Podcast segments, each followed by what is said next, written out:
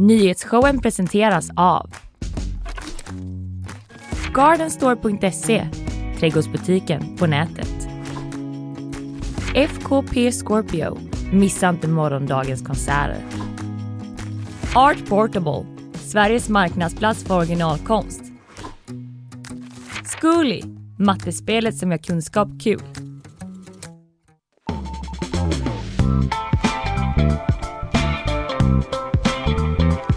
Onsdag morgon är det och det är nyhetsshowen som drar igång och jag vill börja med att rikta ett stort grattis till eh, dig min kollega Ina Lundström. Nämen, Du tack! är ju nominerad dubbelt. Det är jag. Jag kan väl få önska dig ett grattis när jag ser det är dig framför klart, mig. så vad här. glad jag blir. Ja precis, det är jag faktiskt. Jag är nominerad i, i Guldörat och i eh, Humorpriset. Exakt, årets programledare i en podd på Guldörat och årets eh, kvinnliga komiker. Ja, Så då har du chans att bli näst roligast. exakt så. Eh, ja men det är asfett ju, applåder till dig. Det är tackar, underbart och tackar, jätteroligt. Eh, Men eh, vad ska du prata om i nyhetsshowen då? Du, igår släpptes det en ny iPhone och jag är techreporter här på nyhetsshowen så det blir snack om den. Det ser vi fram emot. Jag ska snacka om våldsvågen i Uppsala. Polisen har inrett en så kallad särskild händelse efter en extrem vecka med tre skottlossningar där eh, en intern konflikt i det här Foxtrot-gänget uppges, uppges ligga bakom.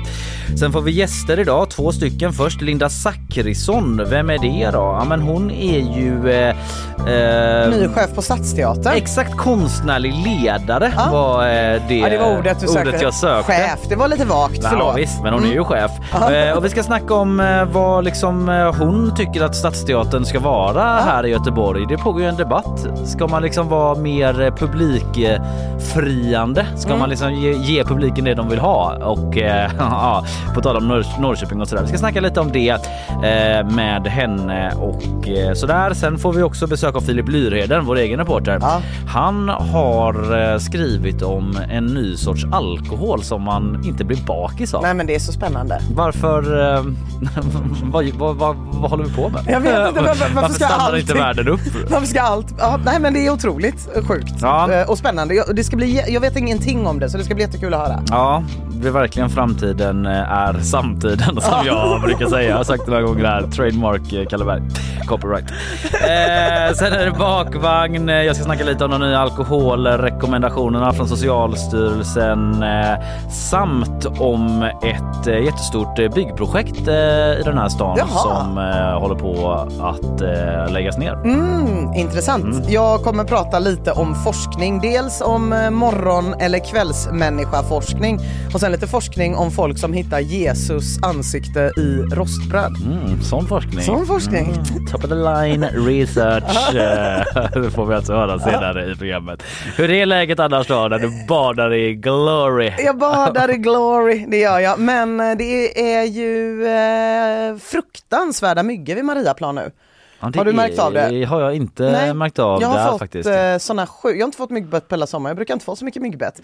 Vaknade häromdagen med liksom bölder på kroppen. Jag var tvungen att sätta på ett plåster Ah, för det började det. spontanblöda. Då insåg jag också att jag inte har uppdaterat min plåster eh, det sen min dotter var fyra. Nej. Så det är Belle fortfarande, hon är 15 nu. Ja, det, Så det är hon, eh, en vacker prinsessa. ja, det, är, det är fortfarande Disneys prinsessplåster som finns hemma hos mig. Jag ska Mm. är, uppdatera det. är det de här eh, nedriga liksom underjordsmyggorna man har hört? som Ja, det är i alla fall min eh, analys av läget. Om Ja. någon nu, och som, som förstahandskälla för den här nyheten som jag precis berättade, Ja. så är det absolut tunnelbanemyggen. Ja, Jag var ute på, eh, på eh, vad heter det, Hörnö eh, i helgen och där åkte jag på det. Där Fyra på myggbett bara, Nej, smack, smack, smack på typ två minuter. Men det Det var någon lekplats som låg liksom någon gammal träskmark typ som vi var. Men de ska väl inte finnas kvar nu? Ja man tycker ju det. Först Nej. var det bina, eller getingarna hade lugnat sig lite med dem kanske. lite. Ja men toppen sommar, ingen värme men svin mycket insekter. Perfekt.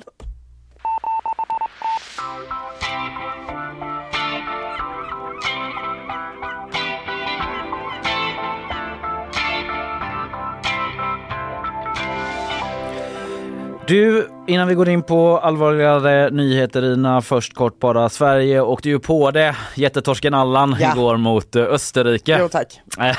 3-1 förlust på hemmaplan på Mm. Friends Arena i Solna där man gjorde tröstmål precis på slutet så Ja. det kändes ju som 3-0 Ja, ja, egentligen visst. men eh, Ja. de pillade in den där. Emil Mm. Holm, den gamla Blåvitt-spelaren, rullade in 3-1.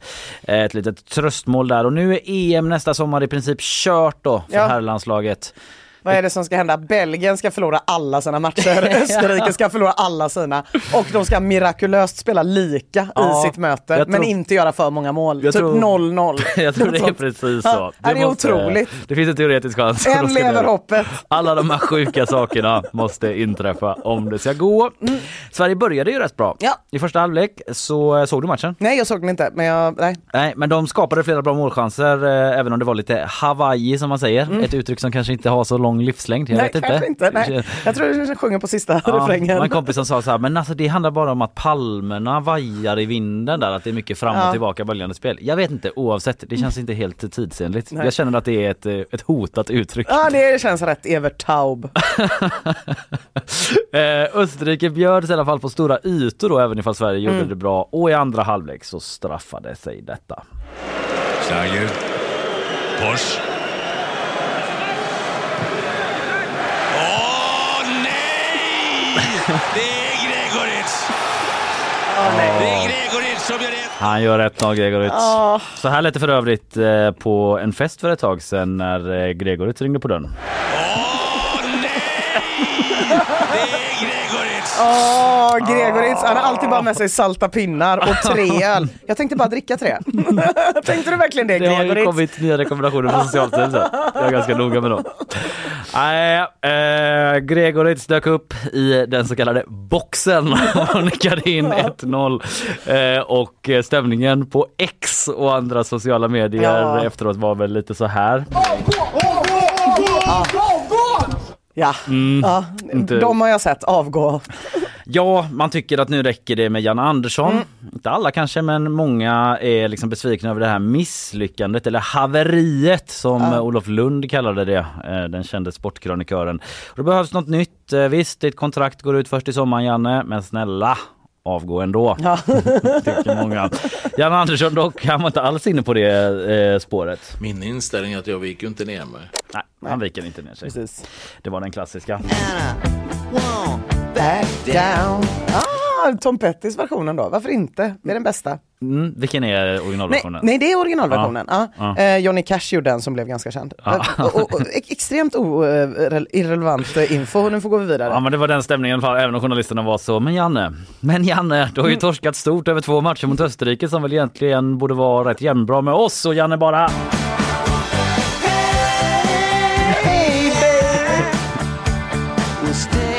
stand his ground. Ground Och vad ska han inte göra? and I won't back down. Näppeligen back down will he do.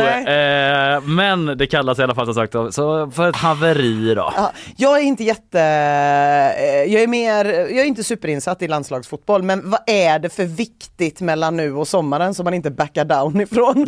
Är det mest att se och hoppas hur det går i Belgien och Österrikes matcher eller är det? Ja, det han vill inga- väl inte ge upp så länge Nej, det finns nej. teoretisk chans och så länge han har ett kontrakt. Ja, det är Nej. hans drömjobb har han sagt många gånger. Han Jo. älskar det här jobbet Jo, liksom. Eh, ja. Och jag tror, jag tror mycket det är hans personlighet. Ja. Att han bara inte vill vara en sån som ger sig förrän Ja. liksom it ain't over till it's over typ. Absolut. Eh, Men Jens T Andersson, alltså han som är chef för förbundet och liksom på, ja, är väl ytterst ansvarig för vem som blir landslagstränare. Han har sagt att det är lite tidigt att prata om det. Vi har inte pratat om det ännu. Nej. Så vi får väl se vad som händer. Eh, man kan väl ha ett medskick eh, till grabbarna bara, tänk 0-0.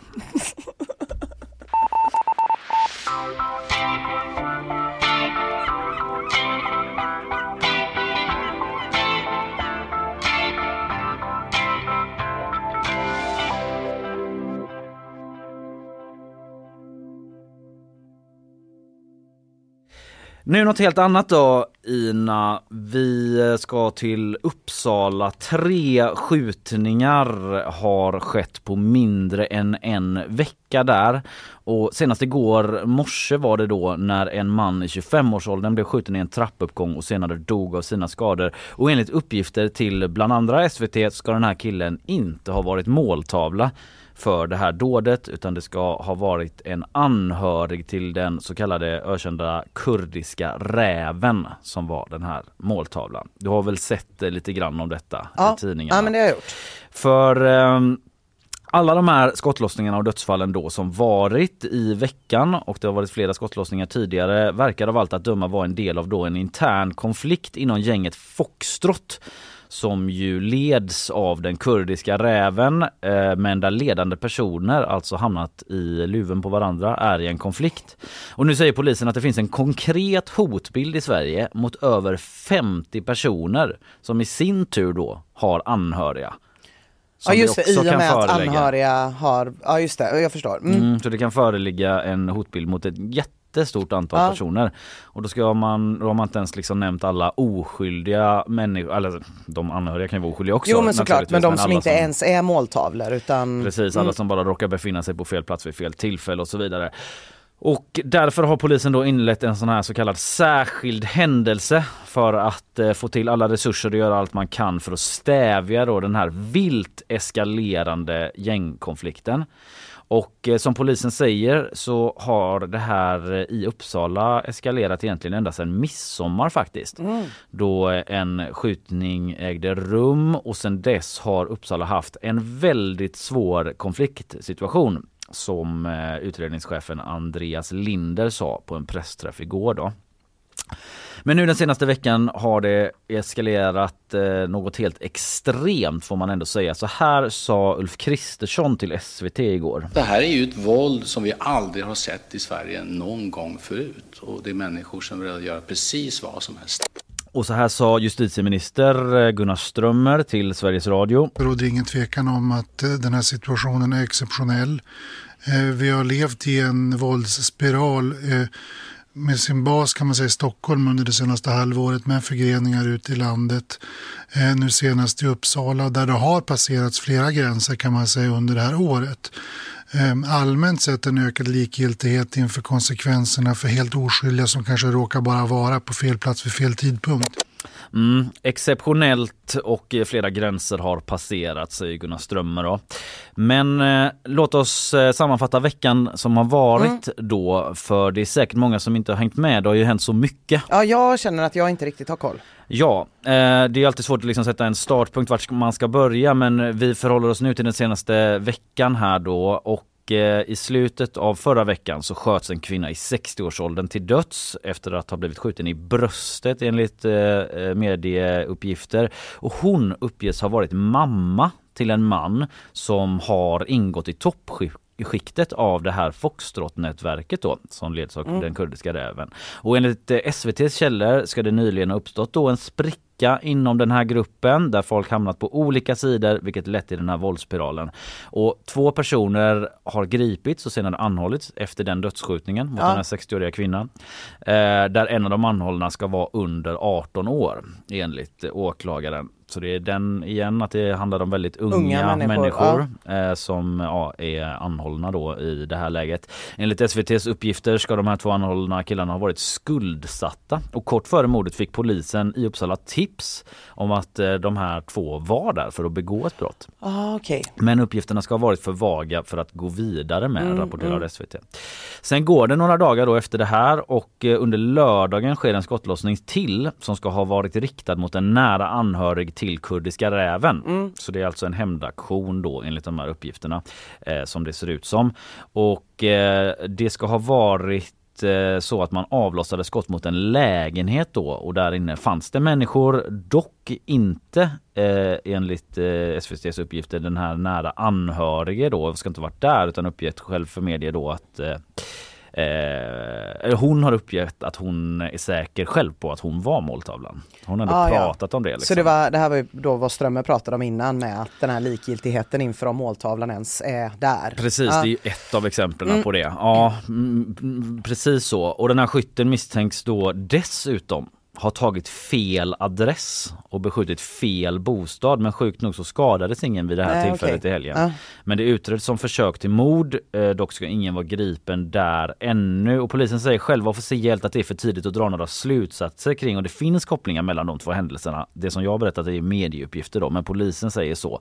Dock säger de också så här med tanke på, rådande, med tanke på det rådande läget i Uppsala med omnejd och de andra grova brott som begåtts i närtid så är det något vi tittar på i utredningen. Det säger Pelle Wamstad som är presstalesperson för polisen. Och efter de här två skjutningarna då som jag just berättat om så inträffade alltså ytterligare en under tisdagsmorgonen tidigt. Eh, Det som jag inledde med att prata om här där alltså en 25-åring träffades av skott och dog. En kille som alltså inte ska ha varit måltavla vad det verkar för detta. Utan enligt medieuppgifter ska det ha varit en felskjutning då så att säga. Eh, Där den egentliga måltavlan ska ha varit en anhörig till kurdiska räven återigen då. En våldsspiral som på grund av en intern konflikt i ett kriminellt gäng alltså nu går ut över oskyldiga vad det verkar eh, och så här säger SVTs krimreporter Diamant eh, Salihu. Eftersom alla de här händelserna som har varit de senaste dagarna på olika sätt kopplas till samma individer som från början har ingått i samma nätverk men som har splittrats i två delar. Och sen sker då hämnd på hämnd på hämnd på hämnd. Precis som anhöriga redan har uttryckt stark oro för. Man har krävt polisbeskydd för att de förstår att när en mamma blir skjuten så kommer det få allvarliga konsekvenser även för eh, släktingar som inte alls har med de här konflikterna att göra. Ja, många som är väldigt oroliga och mår fruktansvärt dåligt såklart eh, just nu och eh, frågan alla ställer sig är väl vad ska man göra? Mm. Hur ska man få stopp på det här? Så här säger eh, Ulf Kristersson till SVT. Vi måste få fast de människor som är själva hjärnorna i de här systemen. De måste bort så att de inte kan rekrytera in nya. Och då måste man kunna ta dem, det vill säga då måste man göra det vi gör nu. Det här bevisar ju egentligen att vi måste ta i med hårdhandskarna. Eh, Ta bort sekretessen, låta polisen ha hemlig avlyssning även i preventiva syften. Dubbla straff för vapenbrott. Allt det här som vi håller på med nu sen, eh, sen vi tog över ansvaret. Mm, säger statsministern. Och det handlar alltså om att ta bort eh, sekretessen mellan socialtjänst och polis då som Just råder. ja. För att man ska kunna ha ett annat samarbete Mm. där är det man vill och det här med hemlig avlyssning från polisen då även eh, preventivt eh, är ju en förändring som man vill införa då. Oppositionen i form av sossarnas, Socialdemokraternas rättspolitiska talesperson Ardalan Shekarabi, eh, han var tillsammans med Gunnar Strömmer på plats i Uppsala igår. Eh, han vill se en kriskommission då med samtliga partier representerade och även experter. Eh, något som också Polisförbundet velat se sa han till SVT igår. Men Gunnar Strömmer justitieministern, moderaten, tycker inte att det formatet, alltså en kriskommission, är vad som är bäst Nej. för Sverige just nu. Utan att det finns andra sätt att mobilisera hela samhället. Mm. Så uttryckte han sig ungefär. Eh, sen avslutningsvis för nu eh, så eh, kan man också nämna att det finns ju en internationell eh, liksom stor storpolitisk aspekt av detta också.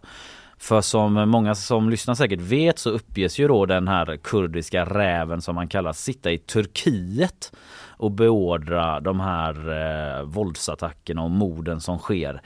Och igår så sa till exempel då Vänsterpartiets Nooshi Dadgostar i TV4 att han måste utlämnas till Sverige nu.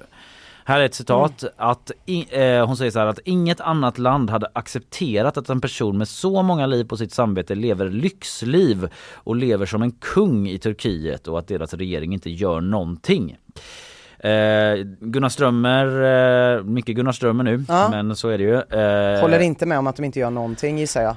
Eh, nej, eh, inte regeringen såklart. Nej. Eh, Turkiet, eh, vad de gör och inte. Han vill inte ge några detaljer kring det, hur man jobbar i den här frågan nu då när han var med i Aktuellt under kvällen. Det är väl kanske känsligt då, han vill i alla fall inte liksom gå in på det. Men senare under kvällen så kom nyheten då eh, att regeringen ändå öppnar för att strypa biståndspengar till Turkiet. Sverige ger nämligen bistånd till Jaha. Turkiet eh, om de inte liksom eh, utlämnar eller fängslar kurdiska räven. Det sa Ebba Busch, vice statsminister, till eh, Aftonbladet. Så vi får se då om det kan vara liksom en spark i baken på turkarna att agera. Ja, det börjar bli en liten lista nu på saker vi vill ha från Turkiet. Mm. Det känns, ja. Ja men det där ligger ju faktiskt hela tiden i bakgrunden Ja, det där med precis. NATO. Det är väl högst oklart om de eh, hur, hur det går in i varandra. Ja, nej men hittills så känns det ju som att Sverige inte har haft så mycket leverage när det gäller Turkiet. Nej. Det känns inte som att man kan ringa Erdogan och säga, ej, vi behöver en grej bara, hjälper du oss? Det har Mm. inte riktigt varit den stämningen, det har mer varit stämningen att Erdogan säger, ni måste göra de här 12 grejerna. Precis. Så att, eh, ja, nej men ehm, En komplicerad situation Ja. eh, helt klart. Eh, som sagt sammanfattningsvis en särskild händelse inledd av polisen i Uppsala. Det finns en konkret hot, hotbild mot över 50 pers samt deras anhöriga. Och en stor polisinsats pågår naturligtvis för att ta fast de som ligger bakom det här våldet.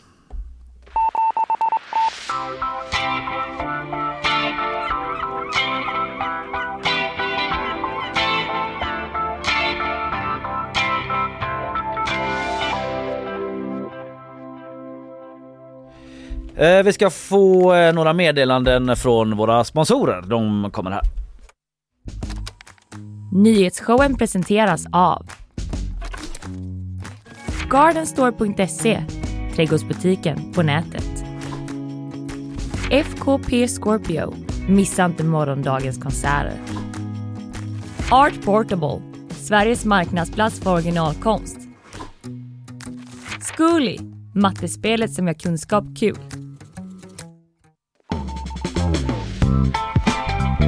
Nyhetsshowen är det ni lyssnar på 13 september onsdag. Ina Lundström, Kalle Berg Ja. och nu också Elin Georgsson som är här för att ge oss ett eh, nyhetssvep.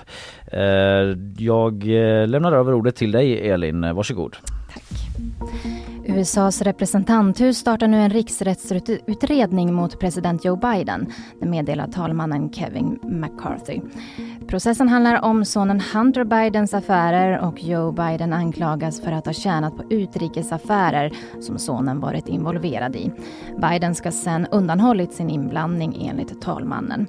Hittills har Republikanerna inte kunnat visa, eller uppvisa några bevis om sina påståenden. I en kommentar från Vita huset så kallas det här för extrem politik av värsta sort. Hunter Biden väntas åtalas i slutet av den här månaden. Över 5 000 människor befaras döda efter skyfall i östra Libyen och omkring 10 000 saknas. Det är ovädret Daniel som har orsakat omfattande översvämningar. Två kollapsade dammar har gjort att hela bostadsområden har försvunnit. Och Rysslands president Vladimir Putin och Nordkoreas diktator Kim Jong-Un möts nu på en rymdbas i Ryssland där den nordkoreanska flaggan nu vajar. De väntas diskutera möjligheterna för Nordkorea att förse Ryssland med mer vapen till kriget i Ukraina i utbyte mot teknik för satelliter och eh, atomubåtar. Och samtidigt har Nordkorea genomfört ett robottest mot det, ja- det japanska havet enligt Sydkoreas militär. Tack för det Elin, intensivt eh, nyhetsdygn det senaste får man ändå säga. Eh, du återkommer lite senare i showen, nu går vi vidare.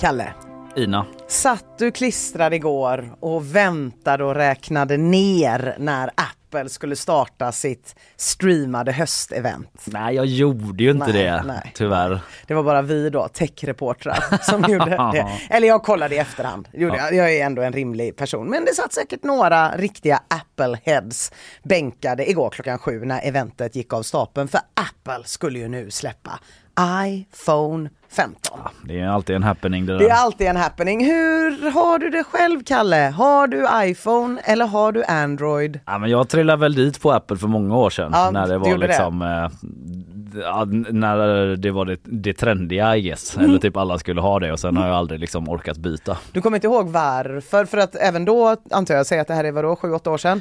Ja kanske något sånt minst. Lär ju iPhonen ha varit dyrare än Android motsvarigheterna. Ja. Kommer du ihåg vad det var som gjorde att du kände att de där 5-6 tusen extra kändes väl motiverade? Jag vet inte, påminn mig inte. Nej, jag är väl bara ett offer för liksom skicklig marknadsföring ja. Eh, skulle jag tro. Jag är inte bättre än så. Nej, nej, och det ska du inte få piss för, för du är absolut inte ensam. Eventet igår då, ja, där satt ju alla vi offer för modern marknadsföring och tittade. Det började med en film, en ganska smaklös film, eller väldigt amerikansk film. Det visades klipp på olika människor som gjorde extremt otäckiga saker. De drack kaffe, de bad. BK Häcken! BK Häcken. BK Häcken kom in. De bad, det hade varit roligt om BK Häcken var med.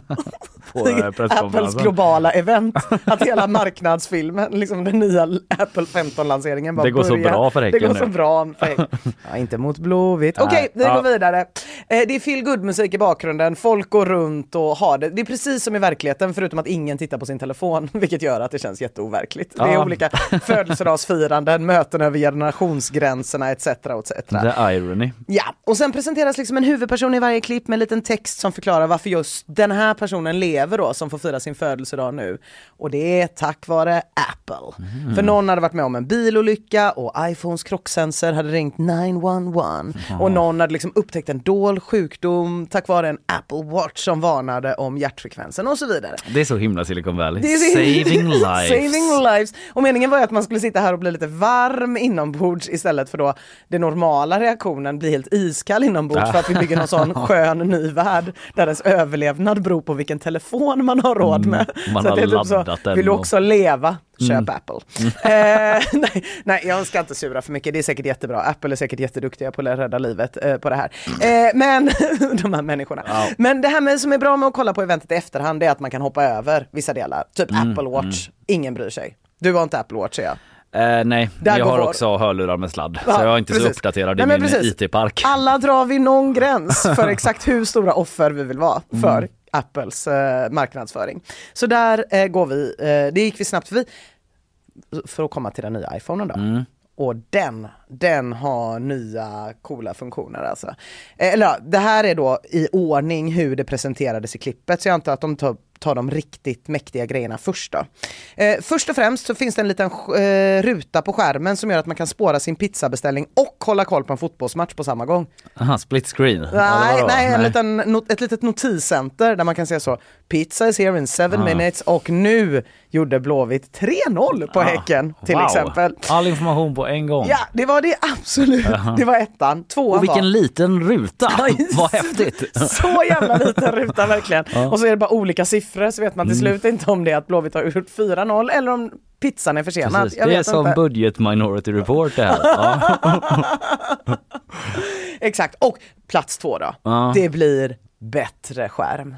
Sitter du ofta och tänker på det när du kollar på din mobil? Uff, Tänk mm. om skärmen bara hade varit lite Precis. bättre. Det här är mm. riktigt fett. Men tänk om jag hade haft en bättre skärm. Jag ser inte riktigt vad den här bilden föreställer Nej. på min iPhone 13. Den här tänk giffen med Borat som gör tummen upp. Exakt. Hade jag den ser... kunnat vara lite krispigare bara? Den hade, hade bara det här trollfacet kunnat ha lite bättre.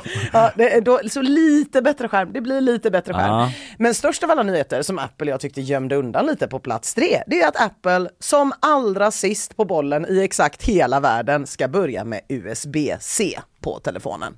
Är det vanlig USB eller va? Eh, det är den lilla USB, den det är lilla. den du har på din dator. Ja, det är den på datorn mm. ja. Mm. Det är den som allt ska ha enligt EU. Ja just det, det är lag det är på lag det. på ja. det. Ja, men Apple har ändå lyckats lansera det här som att det är de som nästan har uppfunnit USB-C. Så lät det nästan i eventet igår. Ja. Trots att det bara är 100% att de är lite sena med att genomföra ja. de lagarna. Men som... har det, jag vet inte om det är typ konspiratoriskt, men har det varit en grej också för att kunna sälja egna sladdar typ? Ja men det är klart att det har varit. Eh, och det har det, det, alltså Apple jobbar ju väldigt mycket med det här med, nu är det miljötänk så vi mm. skickar inte med en laddare längre. Så är man så här, är inte det bara att jag då måste köpa en laddare? Ja, kan inte eh, använda. nej. nej. Mm. Eh, men absolut, eh, det, det, det, har ju varit ett, mm. en, de här sladdarna har ju bytts ut och EU har sagt att det här är ju vansinne. Mm. Allting ska ju såklart laddas med USB-C och nu säger Apple, vi är så fruktansvärt klimatsmarta Just så det. vi har slutat göra en annan laddare som bara nu funkar för följer vi lagen. Nu följer vi lagen. Grattis! Whilst saving the environment. Grattis rättssamhället. nu.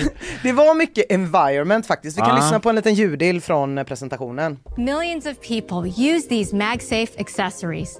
And just like our watch bands, this gives us another opportunity for positive environmental impact by eliminating leather and introducing stunning new fine woven accessories that significantly reduce carbon emissions compared to leather. Ja, alltså det kommer inte längre vara skinn. Det är Den stora klimatboven i sammanhanget. Skinn som accessoar när man byter ut sin telefon varje år. Så kommer man inte längre kunna ha accessoarer. Eh, tidigare fanns det såna här eh, Alltså typ sådär lock eller liksom. ja, ja, vad heter de det? gång- Cases Aha. fanns tidigare med äkta skinn. Mm. Men nu säger Apple no till det här. För det släpper ut mycket mindre koldioxid om man gör det med låtsasskinn. Okej, med Eh, handwoven. Handwoven, precis. De går ju inte heller att använda de gamla skalen till de nya Nej, telefonerna. man måste Så köpa nya skal då. man måste köpa nya skal, men man kan köpa klimatsmarta skal. Så att nu eh, räddas ju eh, klimatet en gång för alla. Nej, men jag tycker det är lite sjukt. Den här nya telefonen då som Ja. släpptes igår, den kostar alltså uppemot 20 000 kronor. Oj då. Och det är liksom i dagens ekonomi. Mm. Jag kan känna så här, köper folk ens mobiler längre när alla har så lite pengar? Eller håller de kvar vid sina gamla? Mm. Grejen är att mobilförsäljningen går faktiskt ner, men Apple ökar. Så Mm. färre människor köper nya mobiler, men de som gör det väljer Apple i högre utsträckning. Och Apple har ökat ett bra tag, håller på att ta över helt och hållet vid, eh, vid vissa marknader. Ja, det, är så. liksom. det kändes ju ändå som att Android var på gång. De var på gång, men det var några olyckliga omständigheter som hände där någonstans runt 2016-2017. De började sprängas. Ja, de det är exakt det jag är ute efter när Samsung precis hade släppt 2016 sin iPhone-konkurrent Galaxy Note 7 och telefonerna började brinna. Ja. Jättejobbigt. Och då kallade man tillbaka en jättestor mängd, skickade ut ersättningstelefoner och nej vad pinigt, de brann också. Nej, var det så? Ja, gud. Eh, eh, Ja, en All liten... PR är bra PR, All right? PR är bra PR. Nej men alltså man står där, du vet, du har en unge på armen, en nappflaska i ena handen, en kopp kokat kaffe i andra, försöker slå portkoden med nästippen, plötsligt ringer det. Och det är ju stressigt nog när mobilen lägger längst ner i väskan. Ja. Tänk dig då att mobilen börjar brinna när du står där och bara nej, inte nu! Man bara, hallå, Ja, hallå. det kul. Nej, jag är inte intresserad av något nytt eh, elavtal. Nej, Ah! precis. Och då är det ju segt att den börjar brinna. Och om den börjar brinna på ett flygplan då är det också segt. Om man lämnar den hemma istället när man åker på semester, den börjar brinna, det är segt. Om man somnar när man spelar Candy Crush Mm. och så vaknar man så har den klibbat fast på kinden och brinner, då är det segt. Det är egentligen bara om man är på typ så eh, en öde ö Ja, som det är bra. Det är bara det är bra. Fast om man inte kunde använt den för att ringa till, eh, exakt. Om till den ändå inte kustbevakningen. till det. Men om det inte var mottagning, då är det lika bra att den börjar brinna. Ja, det är så himla dåligt bara med saker som börjar brinna spontant. Mm, att man, bara, man ska bara gå förbi den varje dag. Man får aldrig sova heller för då Nej. kanske man missar branden. Ja. Så man får bara sitta och titta på den.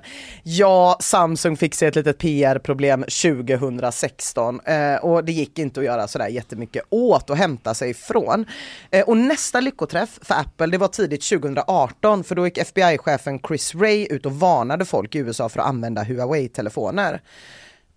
alltså Trump-administrationen eh, hade tidigare gjort det lite svårare för folk att använda Mm. Huawei. Att företag skulle inte längre eh, an, ge sina anställda de här telefonerna det ansågs vara osäkert. typ. På grund av Kina. På eh, grund av Kina, precis. Eh, Och man sa att de får inte längre använda amerikansk tillverkade halvledare för att tillverka sina produkter, Huawei. Mm. Vilket gjorde att Huawei inte kunde göra 5G-telefoner och det gav ju Apple ett rejält försprång igen. Men Mm. häromveckan så presenterade faktiskt Huawei sin senaste telefon som är en 5G-telefon, Mate 60 Pro. Så antingen så har Kina liksom lyckats smussla till sig amerikanska halvledare på något weird sätt. Mm. Eller i värsta fall för Apple så har embargot tvingat Kina att lära sig tillverka de här halvledarna själv. I alla fall, en annan teori till Apples liksom världsdominans som New York Times har till exempel, det är att iPhonen har ett så himla bra andrahandsvärde. Jaha, Faktiskt. okej. För jag, man tänker ändå, jag tänker ändå på amerikaner som betydligt sämre, alltså ehm, det, det finns ju, Apple växer liksom i länder där man tänker att de, de har mindre pengar än vad de har i Sverige. Det växer i Asien, det växer i Mhm. USA, det växer i, jag vet inte ens om amerikaner har mindre pengar i, än svenskar, men Ja. det växer på massa olika marknader. Och det är ju för att folk som är såna här riktiga Apple-heads, de vill hela tiden ha den nya telefonen. Ja, och så säljer man den gamla då. Ja, precis. just och om ingen ens vill köpa ens gamla eh, så kan man bara byta in den på sin Apple-affär. Och då säljs den sen till typ Asien där Aha. Apple faktiskt ökar från att ha varit nästan obefintlig som telefon. Liksom. Mhm. Och i länder som Indonesien då, där medelklassen växer väldigt fort, så vill man liksom ha en iPhone i högre utsträckning Mm. för att visa att man är fräck och urban och inte så lantlig som alla andra. Nej. Kanske av samma anledning som du en gång gick Lex över. eh, Kalleberg. La- Lex Mm. Kalleberg. Till och med i Kina ökar faktiskt användandet. Eh, så mycket faktiskt att Kina gjorde en USA och förbjöd sina statsanställda att ha iPhone Mhm. förra, i förra veckan. Mm, tillbaka att, kaka. Ja, tillbaka kaka. Och det är ju lite problematiskt för Apple, liksom, det är lite ja, marknadens osynliga hand tillbakaslagen i ansiktet. Mhm. Tråkigt. Men okej, vi har pratat om de liksom tråkiga problemen här med lite spontan antändning och internationell politik och rävspel och lite Mhm. andrahandsvärde. Det är väldigt många goda teorier. Men det riktiga skälet till Apples enorma framgångar, det vet vi ju, det rör ju sig på det mellanmänskliga planet. Det handlar om skam och det handlar ju om hån. Det handlar ju om att av någon anledning så har det lanserats att man inte vill vara en Android-användare. Man vill inte få grön bubbla när man smsar. Vet du vad det är, Kalle? Nej, nej, säg berätta. Nej men typ Apple har byggt in en funktion i sitt chattprogram, iMessage, som man använder för att skicka mess. Ja. Eh, där liksom Android-användare hängs ut som Android-användare i ja, chatten. det är därför det är så. För att de har inte får iMessage då utan det blir så vanlig sms. Precis, precis. Så att då- får de då en grön bubbla. Vilket Men- är svinenkelt, då kan man ju bara skärmdumpa liksom om, om du får en sån av mig. Så får du en grön bubbla, så kan du skärmdumpa det, ladda upp det på Instagram och kolla typ wow, Äckelina har. Look Android. exakt, exakt så kan man göra. Eh, Men är inte du och dina komikerkollegor ansvariga för att ha sådana referensskämt till Android-töntar Jo, också? jag har, Om jag ska få vara lite jo, kritisk. absolut, jag har verkligen, jag har verkligen eh, ett ganska bra skämt som man kan se på Jag Släng i har hört det, jag tänker inte eh, liksom, eh, förstöra det men jag har Nej. hört det skämtet, det är Ja. jätteroligt. Nej, men jag det it's part of the problem. It's a part of the problem, det är det ju, det är det ju faktiskt. Ja gud, Eh, det är faktiskt ganska roligt att tänka att Apple hade ju väldigt enkelt kunnat göra en iMessage-app till Android. Där Android-användare då hade kunnat använda iMessage och chatta på samma villkor som alla andra. Ja, just det, det är Ja. fullt möjligt. Apple kom på jättetidigt att det var ju svindumt. Ja. Redan 2013 så skrev Apples mjukvaruchef i ett mail att om vi tillåter iMessage på Android, då kommer föräldrar bara säkert köpa Android-telefonen till sina barn. De snåla Mm. För de är jävlarna. billigare. Precis, Ja. eh, de, de snåla jävlarna skrev han inte i mejlet, men jag tror han tänkte det. Men då kanske någon undrar så här, är det verkligen så småaktigt att man blir retad om man har grön bubbla? Ja, är det korta svaret. Det något längre svaret är i alla fall att de som räknas retaren, det vill säga ungdomarna. Mm. I alla fall om man ska tro dels artikeln i New York Times som kom igår och en artikel som kom i Wall Street Journal förra året som heter Teens Dread the Green Text Bubble. Där man till exempel kan läsa om Jocelyn Mayer som berättar om när hon satt och mässade med ett kärleksintresse och hennes syster var med, såg detta och när Jocelyn då sa till sin syra Oh my gosh, his texts are green Mm. svarade hennes syster Ew, that's gross. Ja. Det är så otroligt Det är inte lätt att vara ung. jävla dumt att folk, inte bara ungdomar utan även vuxna, köper telefoner för tiotusentals kronor för att slippa att någon jävla bortskämd Gen ska håna ens Ja. bubbelfärg. Men där är vi nu. I USA har nästan 90% av tonåringarna iPhone. Ja. Jag har inte hittat aktuella siffror för Sverige, men det växer och i storstäderna är det en stor majoritet. Och jag måste bara avsluta med att säga, trots att jag har en gång i tiden blivit viral på grund av mitt skämt om att jag är en Android-användare, så kommer jag här ut med att jag är precis lika dum som du, Kalle. Oh, Jag gick över för några år sedan faktiskt. du gjorde det? Två år sedan. Argument som synka med molnet. Ja, ja, det, Och- det har ju Nej, jag kört på också. Typ. Alltså, jag har väl aldrig synkat Nej, moln. jag Jag synkat. det är ju liksom dödsfullt i mitt moln och det Jag har vet inte ens havererat. vad molnet är. Nej, nej, jag har nej. aldrig synkat med molnet. Jag har ju ändå en Apple-dator och Ja. då är det ju smidigare. Smidigare och smidigare. Det enda sättet jag fortfarande gör när jag ska skicka grejer till mig själv är att jag använder mailen. Att jag Ja, alltså mm. mailar från min telefon till min dator. Jag har blivit skälld på på jobbet för att jag håller på sådär. Ja, ja, Ja, visst. Nej, men precis. Det bättre finns program. ju säkert bättre program och det Ja. finns ju säkert program. Men det är bara någonting ändå. Jag lever i en lågkonjunktur men jag tror fortfarande det går alldeles utmärkt att släppa en telefon för 20 000 kronor som folk vill ha för att de någonting, någonting, molnet, någonting.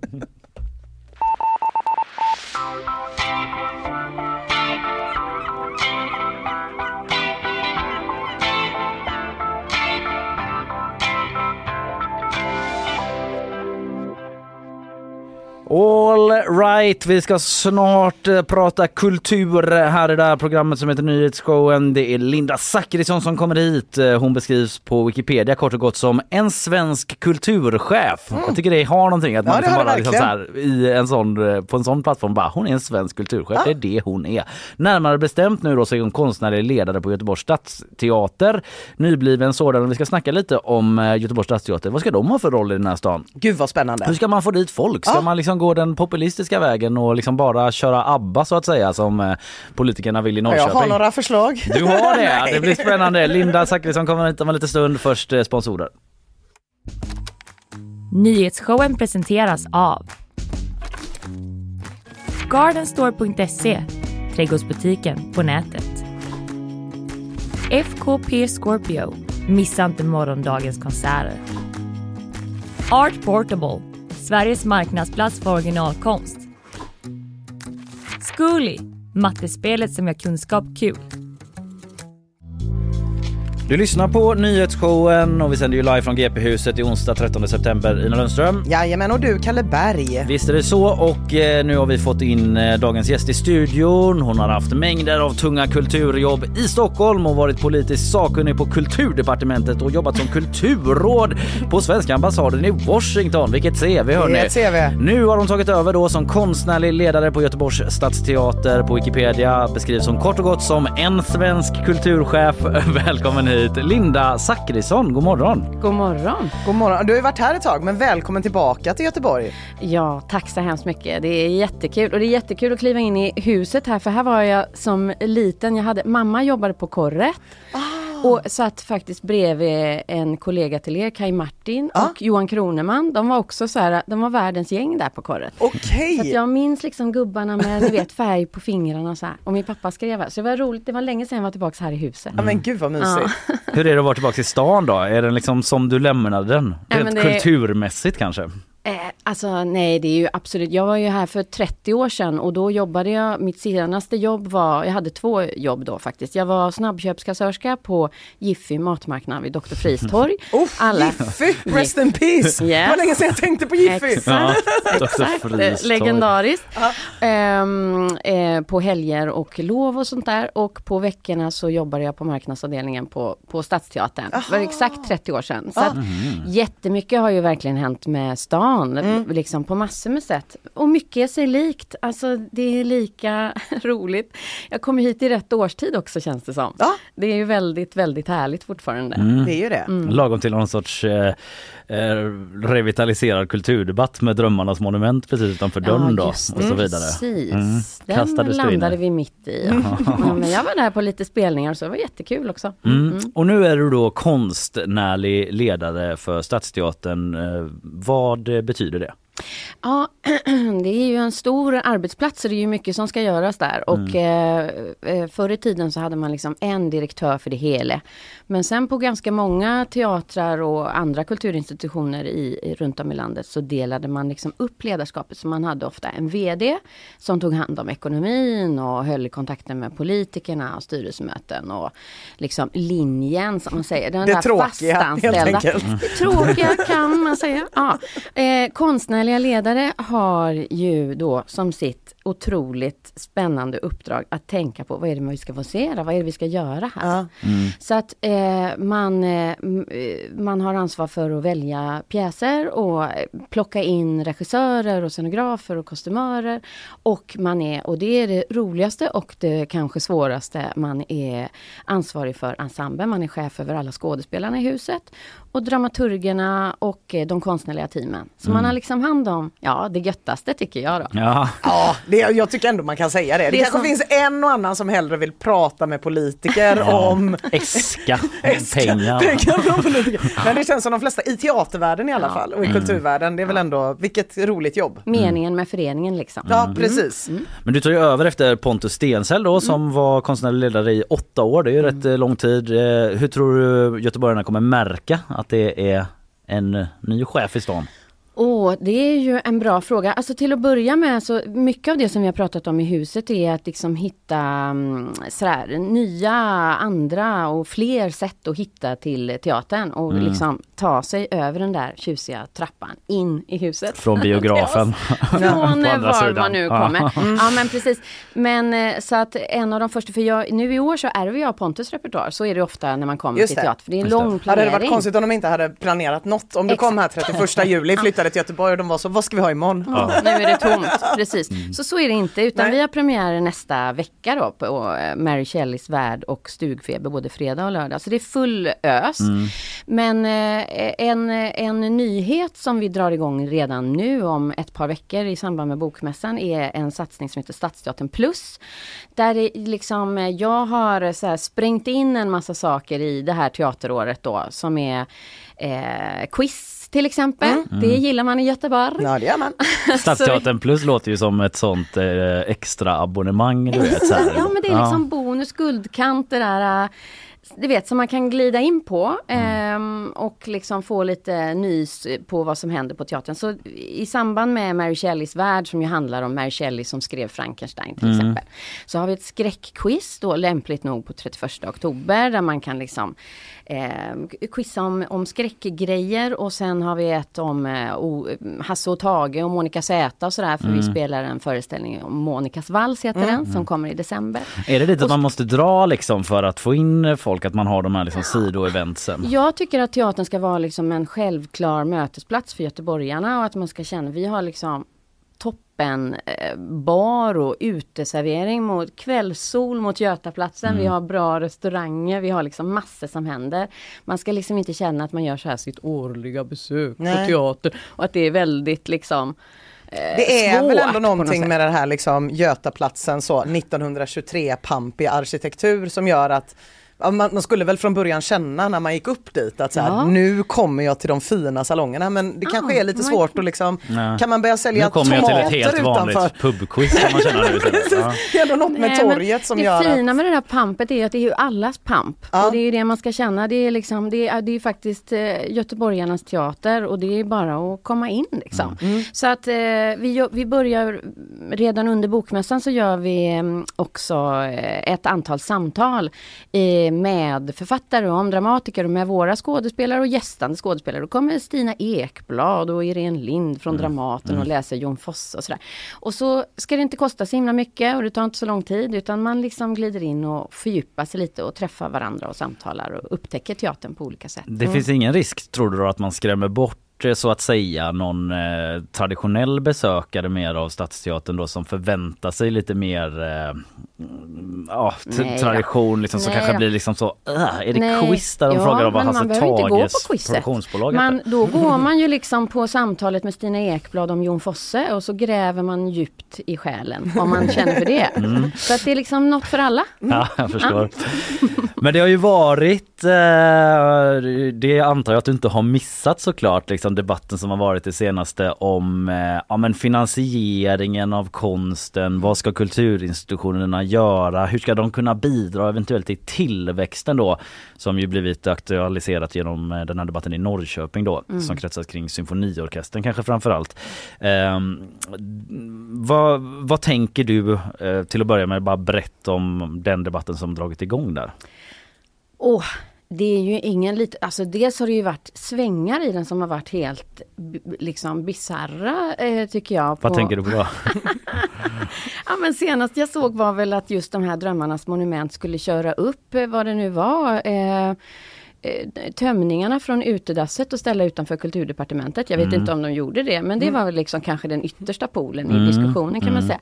Nej, eh, jag har jobbat, jag har jobbat med kulturpolitik på, på, eh, i, i flera omgångar och eh, precis innan jag blev, eh, fick komma, flytta tillbaka hit och bli eh, konstnärlig ledare på Göteborgs stadsteater så gjorde jag häromåret en utredning åt regeringen som handlade om kulturlivets återstart efter pandemin. Mm. Och det var liksom ett stort jobb där jag jobbade inte bara med teatern utan med hela kulturlivet och pratade med dem om, om konsekvenserna av pandemin och behoven som fanns. Mm. Och den argumentationen användes eh, av till exempel uppropet Tre tysta minuter. Där man liksom, för vi fick ju loss då ett stort stöd, ett återstartsstöd under 2022. Och vi argumenterar för att det behövdes permanenta stöd. För Mm. att hela sektorn är liksom underfinansierad sedan länge. Just det. Eh, och tyvärr så, så be, beviljades inte återstartsstöd även för 2023 och det drabbar många för att det är fortfarande, vi är inte där vi borde vara efter pandemin. Vi känner fortfarande de konsekvenserna. Mm, tror du att kulturens större institutioner kan göra mer för att bli självförsörjande?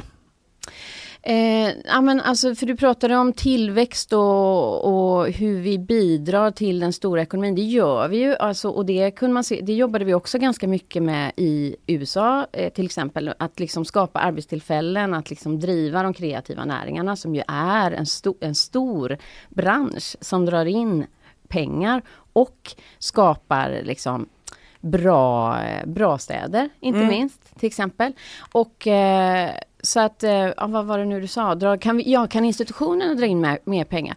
Ja, alltså det är ju upp till oss alla. Vi behöver ju bevisa oss, höll jag på att säga, om och om igen. Alltså vi behöver fortsätta hålla kontakten med publiken och skapa tillit och eh, starka relationer där. Det är liksom publiken som är vårt, vårt kapital eller vad man ska säga. Kan inte... Så att, eh, ja, ska jag väl säga, men inte alltid och det kan inte vara det som är syftet liksom. Vi Nej. finns inte till för att eh, vara vinstmaskiner. Det är liksom inte det som är syftet. Det är därför vi har en, en konst och kulturpolitik i, i Sverige. Men eh, med vinstmaskiner och så, så liksom, eh, ja, det blir väldigt tråkigt om varje enskild liksom, biljett ska eh, alltid ja, generera vinst. Men eh, bara ett litet förslag då, eftersom att det hade gynnat mig väldigt mycket. Skulle inte en trött tisdag, skulle ni inte kunna ha stand-up? Ja, ja, ja. Vi...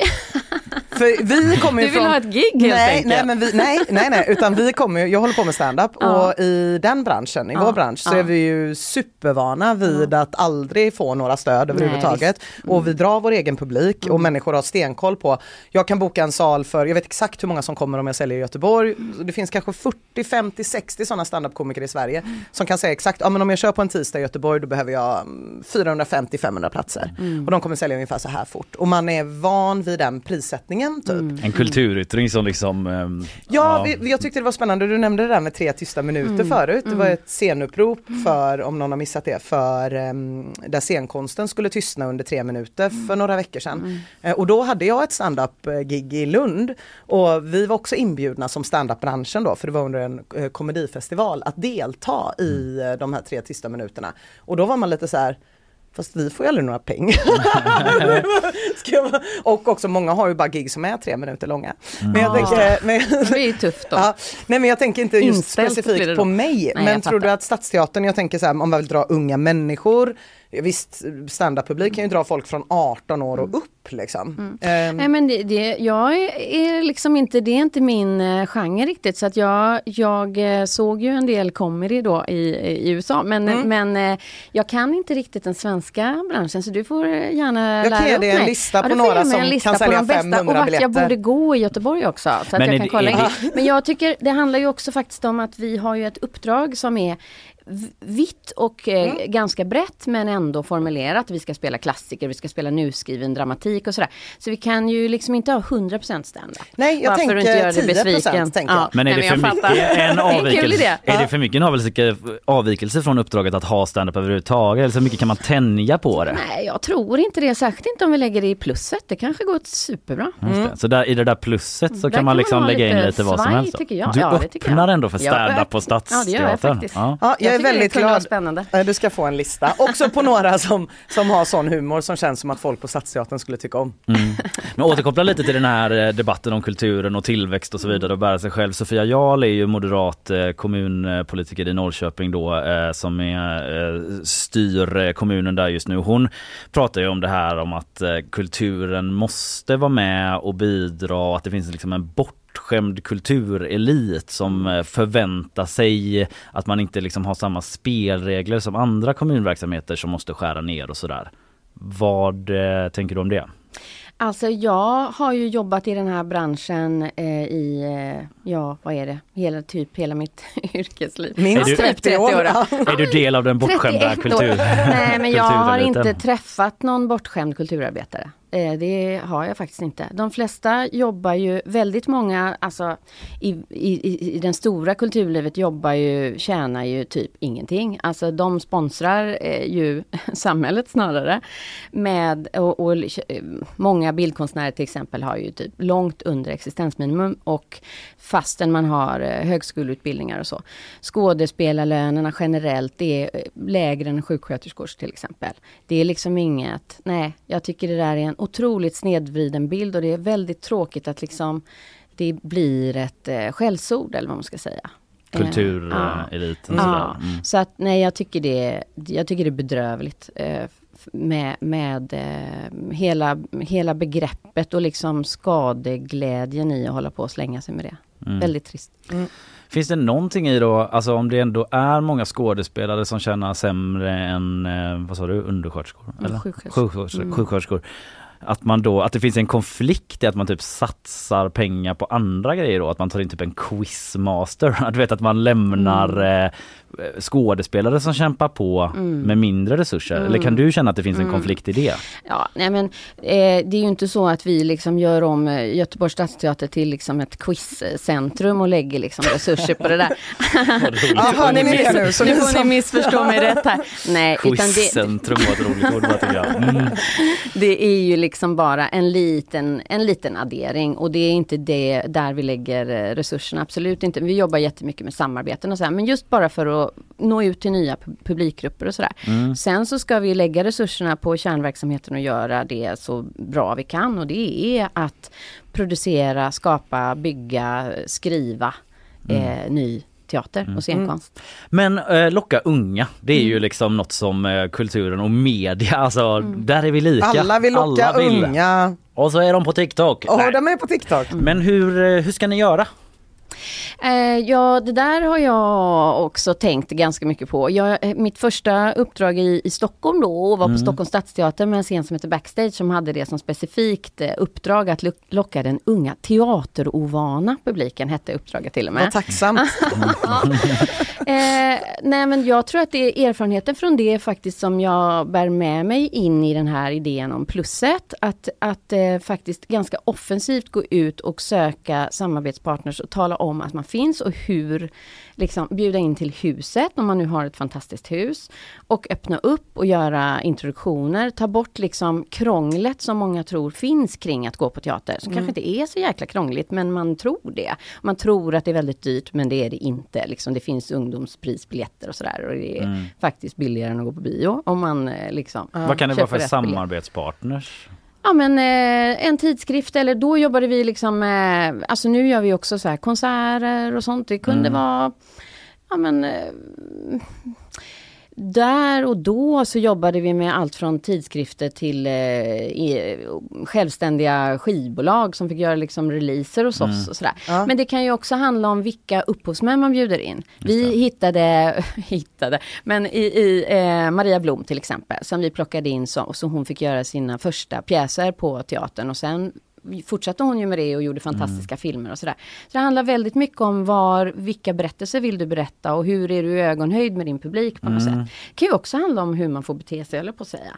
Alltså att det finns ju... Eh, det- En sån Ruben Östlund-grej eller? Ja, nej, att man men jag ska få tänker så prata? här, Ja. Ja, kanske. Ja. Alltså, hur, vad är spelreglerna i vårt hus och hur, hur tittar vi på det? Vad är förbjudet liksom? Och vad, Ja. vad får man göra? Jag hade många säsonger på Parkteatern i Stockholm, som är en stor utomhus gratis eh, tre månaders festival kan man säga. Där höll vi på med liksom så här, nej, ingen får ta bilder på, men sen var det så här, vi kunde ju, jag slutade där 2014. Men eh, de senaste, de sista åren jag var där så, så var det ju bara så att publiken tog ju bilder och fota och dela och det var ju liksom så som ryktet spred Precis. sig om vilka fantastiska saker vi gjorde Ja. på Parkteatern. Eh, och det liksom skapar ett nytt publikbeteende. Eh, där är vi ju inte ännu på liksom våra scener på Stadsteatern. Snarare tvärtom, att man kan faktiskt få en paus från sin mobil om man Mm. går på teater. Mm. Men jag kan känna själv ibland, man bara, åh herregud, min snuttefilm, har någon ringt? Och du vet. Mm, ja, jo, jo. Ja, men det kanske blir bara att man vill ha en liten bild eller lägga upp eller ja, visa. Men, kanske. Ja. men den sortens saker, jag tänker det händer saker hela tiden. Vi, vi måste också se vilken tid är vi i och vilken kontext är vi i och Mm. vad ska vi samspela med. Det är jävligt viktigt. Kan man, Oj, inte ta, svär här, kan man inte ta en, kan man, förlåt att jag, kommer, att jag sitter här som en sån entreprenör som du absolut inte har hyrt in och kommer med olika sopiga marknadsförslag. Nej, kan, man ta, kan man inte ha en TikTok-stjärna som har typ så 400 000 följare och är i Göteborg som kan spela liksom bara en vålnad. Typ. Det behöver inte ens ha några talande repliker men då kommer det ändå komma svin mycket unga som är så här, ah fan i väntan på Godot men Annie Samuelsson sägs vara med som en Ja. vålnad. Hon har lagt upp det på sin TikTok. Ja, det där abstrakta som de väntar på, det är hon typ. Jag på Annie Samuelsson. Ja, ja. Inte? Ja, Mm. lite Nej. skeptisk ändå. Lite skeptisk Men att faktiskt. använda sig av influencers. Jag vet att Region Halland gjorde det nyligen liksom för att få dit folk och sådär för Mm. turism. Är det liksom någonting Mm. att man så här, ger Ja, jag pengar vet inte, till? alltså vi får ju hyra in er verkar det som. är bara bollar. Nej, men alltså jag tänker, eh, vi kanske inte heller alltid ska göra det som alla gör. Vi kanske ska gå en egen väg. Alltså jag tänker att vi behöver hitta liksom en fortsatt eh, egen nisch. Vi har en egen nisch som är rätt fantastisk, där vi faktiskt i första hand ska jag ju så här plocka in och rekrytera otroliga skådespelare och det gör vi också. Vi har en fantastisk ensemble och vi har liksom frilansare på pjäskontrakt och sådär som kommer Mm. in. Det tänker jag går före um, influencervålnader faktiskt. Ja. I, min, I min bok, än så kan länge inte, i alla Kan fall. vi inte dyka in bara en influencer så har ni råd att anställa så himla många andra Ja, jag tycker skådespelare. snarare att liksom, eh, Annie och gänget får gå på teater och liksom Ah. eh, instagramma därifrån hur det. kul det är och hur bra de, våra skådespelare är. Det Ja. kan de ju få göra. Är det några spännande namn på gång, alltså i skådespelarväg? Ja, ja, som inte, alltså vi har ju det här, äh, vårt gäng, men jag tänker vi har ju tre fantastiska unga skådespelare eh, som spelar nu i Mary Shelleys värld, som liksom är det här världens första liksom tågluffargäng som drog ut i Europa. Och det är ju Just just eh, Marta Andersson Larsson som spelar Mary Shelley och Alex Jubell som har tagit tjänstledigt från Malmö stadsteater som spelar då förföraren eh, och eh, poeten Percy Shelley och Victoria Dyrstad. Och eh, de tre är liksom, de är på den här tjusiga bilden. Man blir förälskad i allihop Mm. och vill liksom bara hänga med och skriva skräckromaner hela nätterna. Så de vill jag särskilt nämna faktiskt. Det är ingen sån här, eh, du kan droppa bomberna såhär, Gizem Erdogan återvänder till eh, Göteborg och ska spela. Ja, Liksom, men alltså det kommer ni få hålla i er. Jag är Ja. några veckor gammal på jobbet. Mm. Men eh, jag är också jätteglad att vi får, vi- i vår så ska vi spela Hamlet och då har vi en gammal bekant från eh, Göteborg som återvänder, som tar tjänstledigt från Dramaten, Johan Holmberg. Han ska vara med där, det är jag väldigt glad för. Ja, Kul. något att se fram emot. Eh, Verkligen. roligt att ha dig här Linda Zachrisson och höra om liksom, eh, planerna framåt för Stadsteatern. Mm. Eh, vi tackar dig så mycket för att du kom hit idag. Ja, tack, tack. tack. Nyhetsshowen presenteras av Gardenstore.se, trädgårdsbutiken på nätet. FKP Scorpio, missa inte morgondagens konserter. Art Portable, Sveriges marknadsplats för originalkonst. Zcooly, mattespelet som gör kunskap kul. Ja, här har vi eh, kastat oss ner i eh, kulturdebatten och frågorna med Aha. Linda Zachrisson och då känns det väl skönt att liksom få greppa tag i lite hårda nyheter från Verkligen. omvärlden. Mm. Vad har skett under morgonen? Det vet eh, Elin Georgsson som är tillbaka vid mikrofonen. Vad har du att berätta om? Ja men det senaste är väl att eh, Ursäkta, vilket konstigt gnisslande ljud. Som, Verkligen. Jag vet inte om det hördes ut men jag kände att jag var tvungen att kommentera, kommentera på det för det gnisslade något av det värsta gnisslet jag hört. Ja det var gnissligt, det var det. Ja, eh, men det var inte det vi skulle prata om utan du var på väg mot Elin. eh, ja men det kanske gnisslar lite i politiken då. Ja. Eh, nej men Ebba Busch svänger nu i frågan om att strypa bistånd till Turkiet. Eh, Jaha. till Aftonbladet säger hon, hon är ju vice statsminister eh, nu att det inte är aktuellt. Och det handlar ju om eh, det här ökade trycket på regeringen eh, om att agera i den här frågan om att få en gängledare Mm. utlämnad från Turkiet till Sverige. Det har ju ni pratat om tidigare. Ja, jag sa ju det här precis i min nyhetsfördjupning tidigare att hon gick ut med det men ja det var, det var tvära kast. Precis. Det var sant när du sa det, men nu är det inte sant längre. Nej, precis. Okej, Tage Danielsson.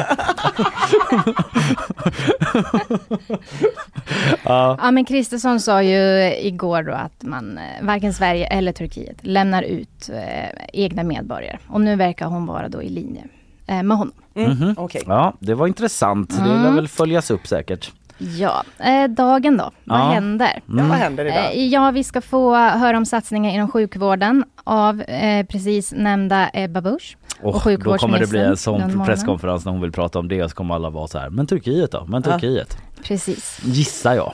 Mm. Får se om hon liksom avhandlar det Först ja. först. ja. Och sen, Mm. Nu snackar vi business, vården. Och sen så drar det igång en eh, eh, cirka tre timmar lång partiledardebatt klockan 12. Oho ja. Jag undrar vem som drar igång klockan 12. Det blir tidig matlåda. Ja, just det. Bra fråga ja. Typ Ulf Kristersson, det är riksdagen då eller? Precis. Ja, att Ulf Kristersson står liksom med sås i mungipan. Åh, Precis Gud. liksom för slutet som Ah, Du vet, man hade funderat länge om man skulle göra det. Ska man äta innan? Ska man äta efter? Ska man äta innan eller efter? Och man vill ju inte ha det där liksom lite kurret Nej, i magen. men man vill inte den sådär att vara jä- pastajäst Nej, heller. att Käkat det- pastabuffé innan vill man inte göra. ämnesomsättning Man pågår. får ha ett eh, ägg i, i väskan. Ja, ett nödägg. Eller Magdalena Andersson. Va? Börjar man skala där på bara. Åh nej. fan. Sluta Ja. äta mellanmål när man är politiker. Då faller fan allt förtroende känner jag. Om någon langar fram en risig frutti precis innan de ska in. Okej, men den debatten börjar 12 då. Då ska Ja, alla få eh, eh. ställa varandra till svars. Ja, eller i alla fall lägga fram vad man vill föra för politik. och så. Just det. Mm. Men jag tänkte vi kunde prata om något annat också. Mm. Eh, ledtråd. ABBA, Dennis Pop, Carola. Är det nya Stadsteatern? Programmet. nu är det fan bara sma- vi smashar, din skämt Elin. Du bara lägger upp dem för oss. Sådana baggerslag och vi bara hoppa. Nej men ABBA ska jag säga är ju, eh, har ju ett jättestort konto nu på TikTok. Jaha, Mm, men alltså. Liksom både nytt, nytt och gammalt och sådär. Men Mm, vad- ett av Sveriges största. Vad är det här? Är det Polarpriset typ eller nej? Eh, nej, det är då eh, Swedish Music Hall of Fame. Aha. Vadå, är de här, de här är med? De du nämnde nu? Eh, ja, precis. Ja, tackar, tackar. Jag var så, ska Mm. ABBA komma med? Då undrade man vilka som redan var på plats. Ja, Om det var en snackis ifall ABBA. Okej, Ja. det, var- ja, de, de, det förstår jag att de är med i Swedish Music Hall of Eh, ja, Fame. precis. Och årets invalda avslöjas idag då i eh, eh, Cosmos Arena i Borlänge. Eh, märk väl då att den här arenan stavas med två Z, så kanske Cosmos. Cosmos Cosmos Arena. Arena. Är det, säg inte att det är klockan 12. Eh, nej, det är faktiskt eh, redan inom en timme, klockan Ah, nio. Vad bra. Mm. Ja, så det är ingen krock där. Nej. Och, och fram till idag då har 72 namn eh, valts in. Och det är två kriterier då för det här kan man säga. Eh, man ska ha, det ska ha gått minst 20 år sedan debuten. Och så måste man ju då ha haft stor betydelse för den svenska populärmusikens utveckling. Alltså lång och trogen tjänst som Mm. gäller. För den svenska. Mm, så att det, man behöver inte... Ja. precis. Mm, Eh, mm. och då eh, tänkte jag, har ni några idéer om vilka som kanske kan väljas in i år? Usch, jag vet ju inte vilka som redan är med men... eh, Nej, jag gissar på några som absolut inte är med. Nej men Rob, Robin måste ju vara med. Ja. Ja. Men det kanske är någon sån ny typ, Sara Larsson. Men det är inte Men lång 20 och trogen år, tjänst i och för sig. Nej. Nej det är svårt det där, om man inte vet vilka, vilka som är med riktigt. Nej, det är ju en hel bunt då, för det är 72. Och förra, Freddie år- Wadling, nej han är för smal. förra året så var för det ju... död. Ja, just det, men det kan man väl vara? Man kan vara det? Ja, ja precis. För det har ju varit, eh, alltså, det var någon kritik där mot att eh, till exempel att man, har- ja, men, liksom, att man har glömt så här, legendariska artister. Så till exempel Povel Ramel kom med 2020. Ja, det är sent. Bort, och han gick ju bort typ 07 eller så. Mm. 0, ja. Eh, Likaså att Sara Leander inte finns med på den här listan och så. Mm. Eh, Men förra året var det Petter och eh, Soundtrack till exempel då. Soundtrack, jag hade faktiskt tänkt vissa på soundtrack, för det är det ingen som tror på för nu säger jag det för sent. Men ja. Mm. Ja men det är så pass kontemporärt då. Ja men då kan man Mm. hålla utkik på gp.se är adressen där. eh, där Jag håller tummarna för Dan. Berglund, får vi Ja. se vad som händer. Ja det får vi se. Eh, tack Elin. Tack så mycket.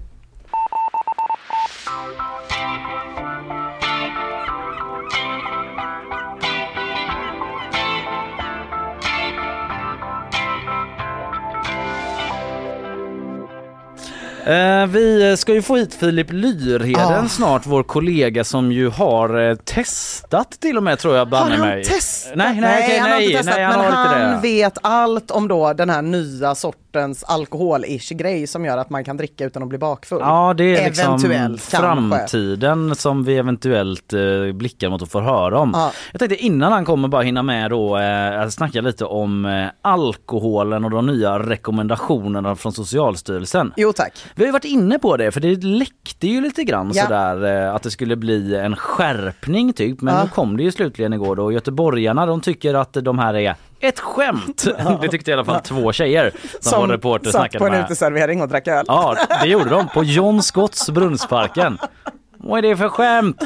Det känns lite töntigt, det borde finnas viktigare saker för Socialstyrelsen att ägna sig åt, sa de här två tjejerna Ja. som vi snackade med. Men de skärper råden, eh, jag läser från gp.se, tre små eller två stora starköl vid ett tillfälle. Dricker du mer ska du erbjudas vård. Just det, vid fyra öl erbjuds man, kan, bör man erbjudas, Mm. Kunna erbjudas vård. Vården bara, tack som fan. jag förstår inte riktigt vad det innebär, för det kan Vi- inte finnas någon uppsökande verksamhet kring det här. Nej, de bara så här, nej vi är inte alls pressade som det. Nej. Utan nu ska vi bara liksom eh, ta tag i folk som har druckit fyra öl. nej men det är ju ingen uppsökande verksamhet så utan Nej. det är att man ska, typ ska kunna erbjudas information mer tror jag om riskkonsumtion och Och så. att den hemsidan inte ska vara låst. Nej. det.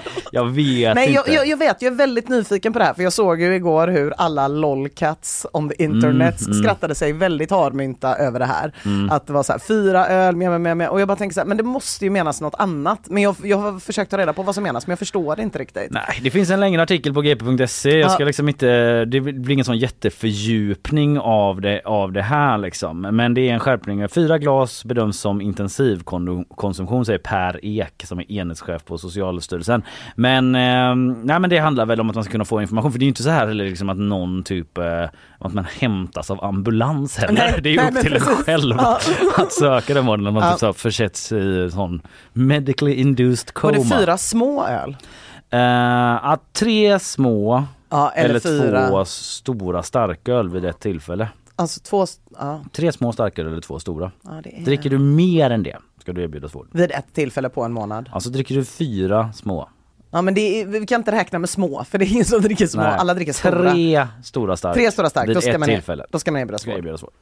Eh, det tycker Socialstyrelsen. Ah, de kanske räknar vid ett tillfälle som att man beställer dem samtidigt, för det är fan alkat beteende, det ser man ju ibland Ja, på krogen. när någon kommer in helt så. Mm. svettig och är typ så, jag kan ta två direkt. alltså det, och det kan jag tycka är alkat, så att om någon kommer fram och är så, jag tar tre på en gång, jag orkar inte gå igen. Vä- Då tycker jag också man ska erbjudas, ha möjlighet att erbjudas Ja. vård. Specifik rekommendation av Socialstyrelsen då, typ på presskonferensen du vet att eh, någon chef där kommer in med den trehandsfattningen så bara det här kommer inte vara okej. Nej, om du inte har två kompisar. Nej precis. Ja, ja i alla fall, eh, det är inte bara eh, göteborgare som rasat, det är också Edvard Blom, Mm. känd för eh, de här bevingade orden. Eller har jag de här ens? Nej det har jag inte. Men när man festar, festar man. Och då festar man rejält. Exakt. Eh, här är den. Jag tycker att när man festar, festar man och då festar Ja skitsamma men eh, han tycker i alla fall, han är ju liksom känd gastronom och så Du vidare. smekte inte in den gingen direkt Nej jag vet, du? jag kände det blev inget bra så jag drog ner den tidigt. Eh, Men han är skeptisk, han, är, han eh, tycker att eh, risken är att man lägger sig så här lågt med rekomm- rekommendationerna att folk bara struntar i det Mm. och det känns otroligt moraliserande, larvigt och fånigt. Eh, tycker han då. Ja. Så det är lite bakgrund då när vi tar in Filip Lyrheden Ja, nu ska vi se. som har grottat i alkoholen som inte gör dig bakis. Vad är det frågan om? Så spännande. Här kommer eh, Filip alldeles alldeles eh, strax.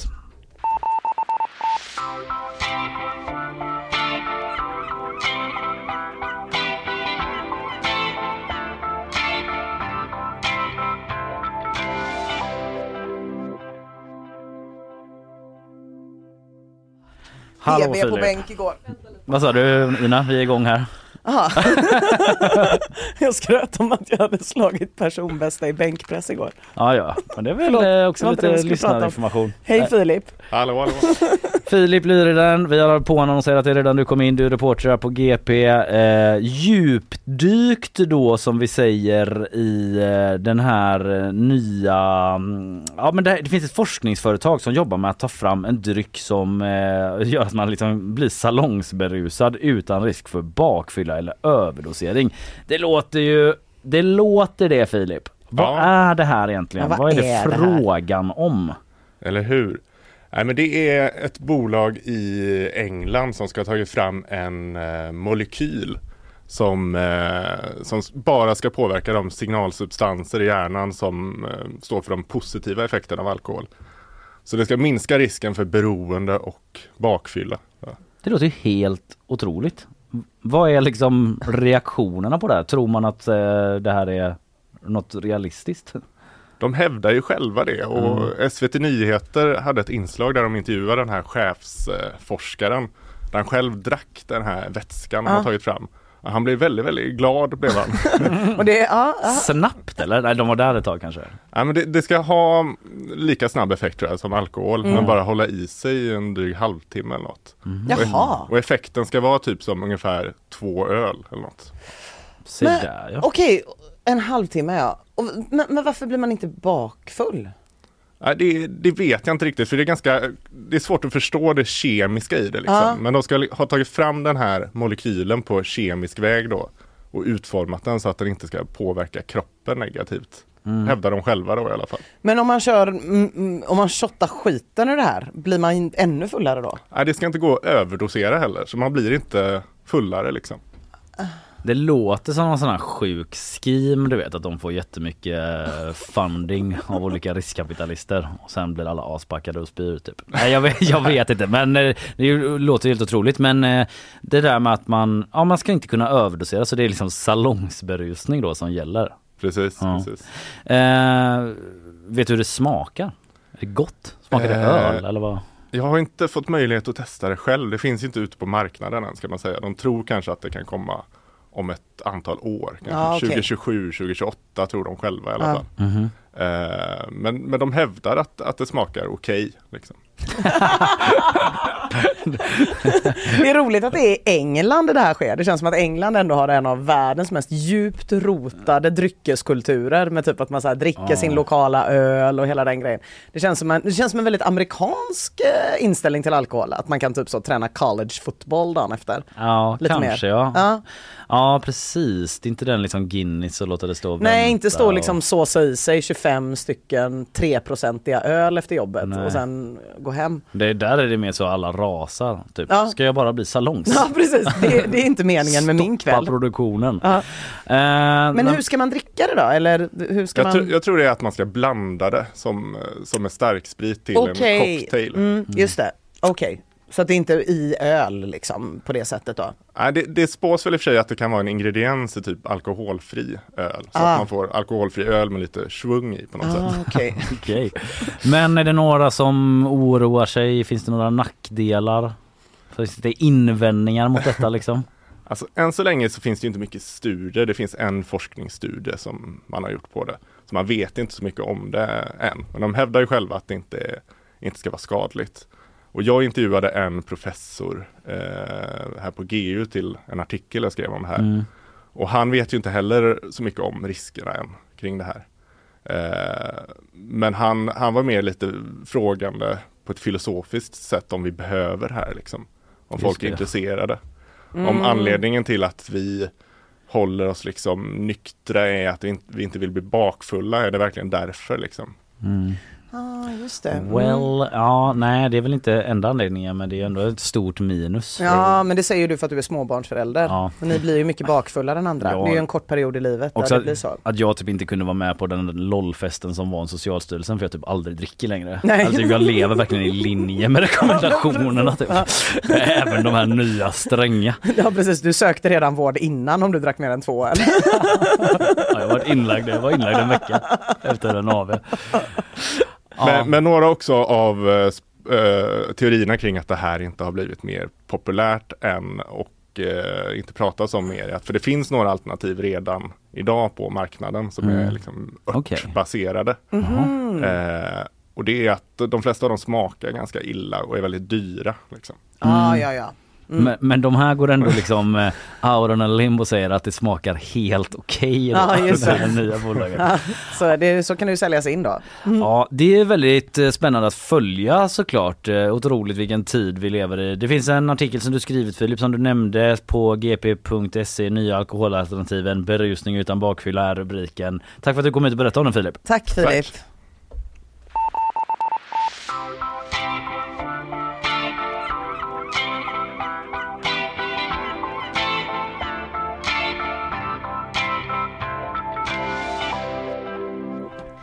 Eh, det är ju svårt att avgöra när du och jag nästan alltid bara ses på morgonen. Men Mm. är du liksom i grund och botten en morgonmänniska eller kvällsmänniska Kalle? Jag tror nog att jag är en morgonmänniska. Det, jag, jag har väl blivit det. Du har jag blivit vet, eller jag det? vet inte om det man kan bli och liksom gå däremellan men jag har ju gått upp tidigt i många år. Ja du har det, ja. Eh, men, Även innan barn? eh, ja, men Mm. för jobbet. Ja just det, jag. ja du har jobbat tidigt innan också. Ja, Mm, det är men jag, jag baserade typ mer på att jag ofta blir väldigt trött på kvällen Ja. snarare än att jag är pigg på morgonen. Ja. Men jag är verkligen en sån som somnar på soffan när man ser på film. Ja, ja visst. Nej, Mm. men där är vi ju lika. Mm. Jag är ju, eh, I många fall bland de jag har träffat hittills, det extremaste fallet av morgonmänniska som jag någonsin har stött på Mm. är jag själv. Ja. Eh, det är eh, någonting som folk säger, gud vad roligt, vad skönt. Eh, det är ju svinjobbigt faktiskt, för jag vaknar ju ofta Eh, idag vaknade jag fyra till exempel. Ja, Jag, jag, ju- jag, jag hade ju satt klockan på fem för att vara här, men fyra då är det liksom uppspärrade ögon och glatt humör. Men det är och ju sen... inte sunt nästan. Nej, du kan ju tänka hur jag är vid 16 på kvällen, eller kvällen, Ja, bara att jag ja. kallar 16 kvällen Mm. säger ganska mycket. En liten tell. en liten till. Nej, nu är det dags för 16-nyheterna och sen är det natti, natti. eh, nej, fruktansvärt eh, morgonmänniska eh, betonad är jag. Och vilka tror du är friskast då? Morgonmänniskor eller kvällsmänniskor? Ja, det känns ju som att det finns ett mer hurtbull-lager, skimmer över morgonmänniskan, så jag gissar på dem. Ja men faktiskt, det är helt rätt. Och det är då forskarna på Harvard Medical School i USA som har kommit fram till det här genom att forska på 63 000 kvinnliga sjuksköterskor. Och eh, nattgänget då, de Mhm. som var mer, eh, det handlar inte om när de jobbar utan de fick själva definiera om de var, såg sig som morgonmänniskor eller kvällsmänniskor. Mm. Och de som såg sig som kvällsmänniskor hade 19% högre risk att ha typ diabetes, eller att ha typ, att ha diabetes typ 2, inte typ, Typ diabetes typ 2. Och inte ett heller alltså, men Nej. typ typ 2. Nej, alltså typ 2, ni fattar. Men vet du att jag bara har en invändning mot hela studien ja, eh, ja. re- redan nu. Jättebra. Att folk ska definiera sig själva. För det, jag upplever Mm. att det finns eh, en större coolhetsfaktor i att vara en kvällsmänniska. Ja. Så att även om folk eh, är morgonmänniskor kanske de vill hävda Mm. att de är kvällsmänniskor. Gud ja, och tvärtom tänker jag. Att om du är en person som gillar att träna och vara en tönt, då kommer Mm. du kryssa i att jo, ja, men jag är en morgonmänniska. Ja. Fast du kanske släpper dig upp varje morgon. Ja men precis, Ja. jag vill bli VD för ett techbolag. Exakt, då kommer du ändå skriva att du är en morgonmänniska. Ja. Det är en extremt relevant invändning. Tackar. Varsågod, där tog du igen dig för den här sjukt felplacerade gingen förut. I alla Ja. fall, Torbjörn Åkerstedt då, som är sömnforskare och professor i psykologi vid Karolinska institutet och vid Stockholms universitet berättar för DN i alla fall att han inte är förvånad över de här siffrorna. Han säger att det är väldigt välbelagt att sjuklighet och dödlighet det är högre bland kvällsgänget. De röker mer, de dricker mer. Men precis som du är inne på Kalle lite här, vad är hönan och ägget här? Ja. Alltså jag är, gillar ju att dricka och är en morgonmänniska. Så att jag menar, hade det varit så att det var socialt accepterat att dricka framförallt innan lunch varje dag, Mm. då hade jag ju druckit mycket mer än alla andra, Ja, tänker jag. Ja. Ehm, Du är bunden av konventionen. jag är bunden av konventionen, precis. Och det gör ju att efter middagen, efter att jag har intagit mitt middagsmål någonstans vid 16.30, Mm. då är jag oförmögen att göra någonting med. Men Torbjörn Åkerstedt han säger att det skulle krävas väldigt långsiktiga studier som typ är genom, eh, omöjliga att genomföra för att svara på om det är dygnsrytmen som sådan som leder till ohälsa liksom, eller tvärtom. Eh, men han säger så här, det är bättre att vara uppe när det är ljust. Det är bättre. Eh, kroppen mår bättre av att vara vaken när det är ljust. Men det går också att få nattmänniskor att bli normala. Det är hans ord, inte min. Okej, det är ändå hans ord. Alltså, Ja. Studier har visat då tydligen att om man ger nattmänniskor, om man tar bort deras klockor och deras elektronik och de får vara i skogen, då blir de då till slut normala. Vad är det här för studie som har genomförts? Jag antar att man har kollat på några avsnitt av Expedition Robinson kanske Mm, och så har man mm. insett att ja, de verkar ju gå och lägga sig när det blir kväll. Ja. Typ. Mm. Så att eh, om man är kvällsmänniska så är det ju jätteenkelt. Då är det bara att flytta ut i skogen, ta bort alla klockor, ta bort all elektronik och sen kan man också gå upp klockan Ja. fyra och må piss Just som det. jag. Sök till Robinson. Ja. Kan man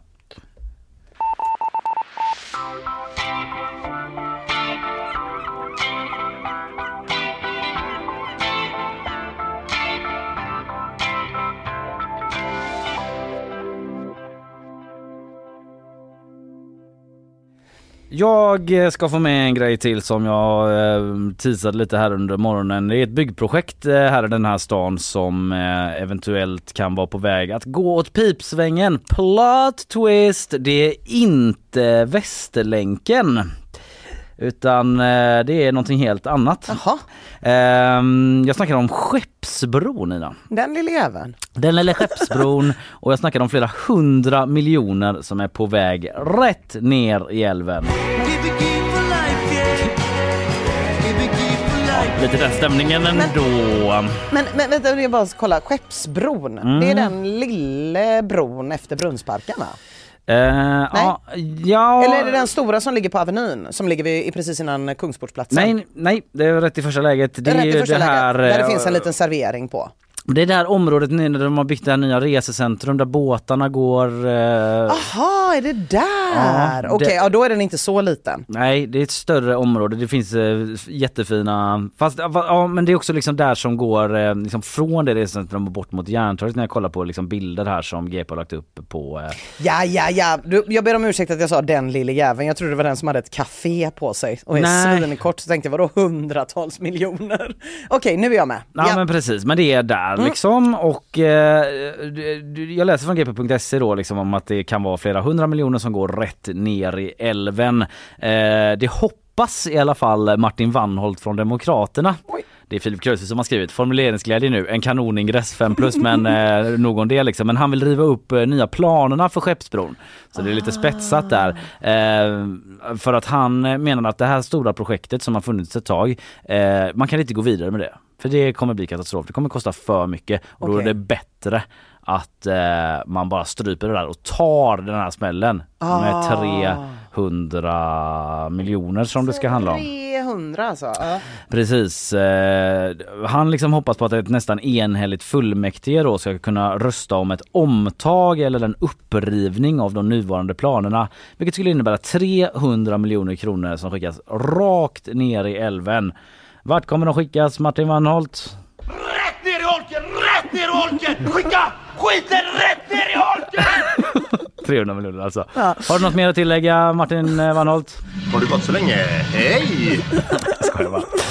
Eh, det var, jag kunde inte hålla mig från den. Men så Nej. blir det eh, i alla fall om eh, Martin Wannholt får bestämma då att man eh, skrotar de här planerna. Det är värt det helt enkelt och eh, han säger också att de här kostnaderna landar främst på Socialdemokraterna är inne på. Vi kan återkomma till det. Men alltså, jag känner att jag måste ändå förklara lite vad det här Skeppsbron-projektet handlar om. Ja. För jag tror att många inte har koll på det. Nej, jag hade inte riktigt koll på att det var en bro nu när jag såg bilderna utan jag var med så, den trottoaren. Alltså, jag är faktiskt lite osäker på varför det kallar, eller det känns som man eh, borde veta saker här och Ja. eh, man gör bort sig lite grann. Men Nej. eh, det är i alla fall så det kallas det här området. Ja. Så det här projektet handlar liksom om en helt ny stadsdel och ett garage som kallas för Sveriges dyraste garage. Yay, äntligen! Ja, alltså det är ju så att när man grävde ner Götatunneln här i stan fick man bort en jäkla massa trafik från det här området. Just det. Man kände hallå, här kan vi väl hitta på något. Mm. Eh, och det skulle innebära då, eh, alltså då gjorde man massa planer, man skulle ha eh, nya bostäder, man skulle Mm. ha ett garage, det skulle vara så delvis flytande stadsdel ute på Ah, älven mm, sådär, mm, lite mm. fräckt.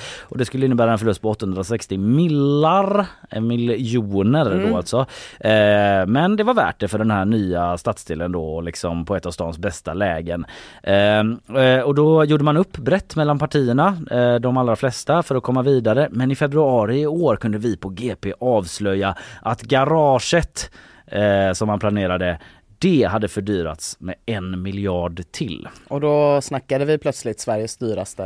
Ja men det har ju kallats det Ja. av eh, politiker framförallt. Ja. Jag har inte sett att någon har räknat på det Nej. exakt men att det är ett jävligt dyrt Det garage det det. Mm. som det liksom planeras för. Och där dog den här politiska överenskommelsen om att gå vidare lite grann. Och nu hoppas Martin Wannholt då från Demokraterna alltså eh, på att det ska finnas en enhet kring att riva upp det. Axel Josefsson, moderat i stan, han säger att eh, man vill eh, utreda eh, det här vidare innan man river upp det då. Han verkar, han verkar inte så positiv mellan raderna Nej. till själva projektet men han säger att, att göra något helt nytt vet vi inte kostnaden för så man ska så, eh, så ska man gå vidare eh, eh, måste man veta vad alternativen innebär. Det ligger ett stort ansvar på Jonas Attenius för det här ärendet att gå i mål. Mm. Och Jonas Attenius är ju eh, Socialdemokraterna och han som eh, har eh, den ledande maktpositionen i den här stan.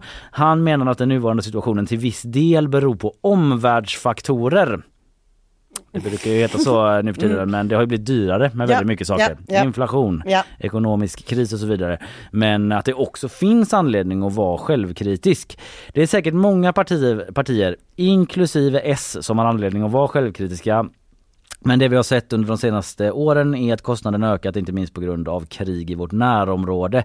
Det har haft stor påverkan på materialkostnader och annat säger han. Men visst, det finns anledning till självkritik. Det gör det, säger han. Är ni beredda att skrota garaget och göra om detaljplanen då? Frågar Filip, vår reporter. Jag vill inte förekomma de diskussionerna vi sitter i just nu om den frågan. Så jag avstår från att svara just nu, Ja. säger Jonas Attenius. Men vi har ett konstruktivt arbete som rullar på. Det rullar på. Det rullar på, men eh, om Martin Wannholt får som han vill så blir det alltså 300 miljoner Rätt ner i holken! Rätt ner i holken! Skicka skiten rätt ner i holken! Eller älven då. Ja, jag bara tycker att eh, ja, det är intressant att följa de här byggprojekten. Verkligen! Jag hade inte tänkt på, jag visste inte att det fanns de här grandiosa planerna för Skeppsbron. Jag kommer absolut hålla lite bättre koll på vad som händer runt gamla kinesiska muren i framtiden. Exakt, det är en cirka 440 meter lång kaj vid Göta älv. Alltså det är hela kajen hela- som är ja, nej, det är Skeppsbron. liksom. jättemycket, ja. Ja. det är vi moderna människor som tror att en bro alltid måste vara liksom Ja. över vattnet. Ja, men precis. det är en kaj där. All right, eh, vi eh, säger väl så för idag Det va? gör vi. Mm, vi har snackat om... eh.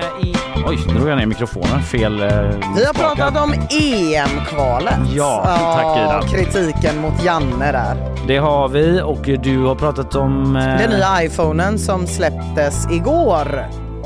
Precis. Och hur i hela världen blev Apple-användare, inklusive du och jag. Ja, eh, kontext för mig själv där som var välbehövlig. Mm. Jag pratade också om våldsvågen i Uppsala då med tre skottlossningar på en vecka där polisen har startat igång en sån här särskild händelse för att kunna stävja den här vilt eskalerande gängkonflikten som är intern inom gänget Foxtrot enligt medieuppgifter. Då. Och så var ju Linda Zachrisson här som Precis. är ny konstnärlig ledare på Stadsteatern och berättade lite om vad de ska göra för att locka en yngre publik.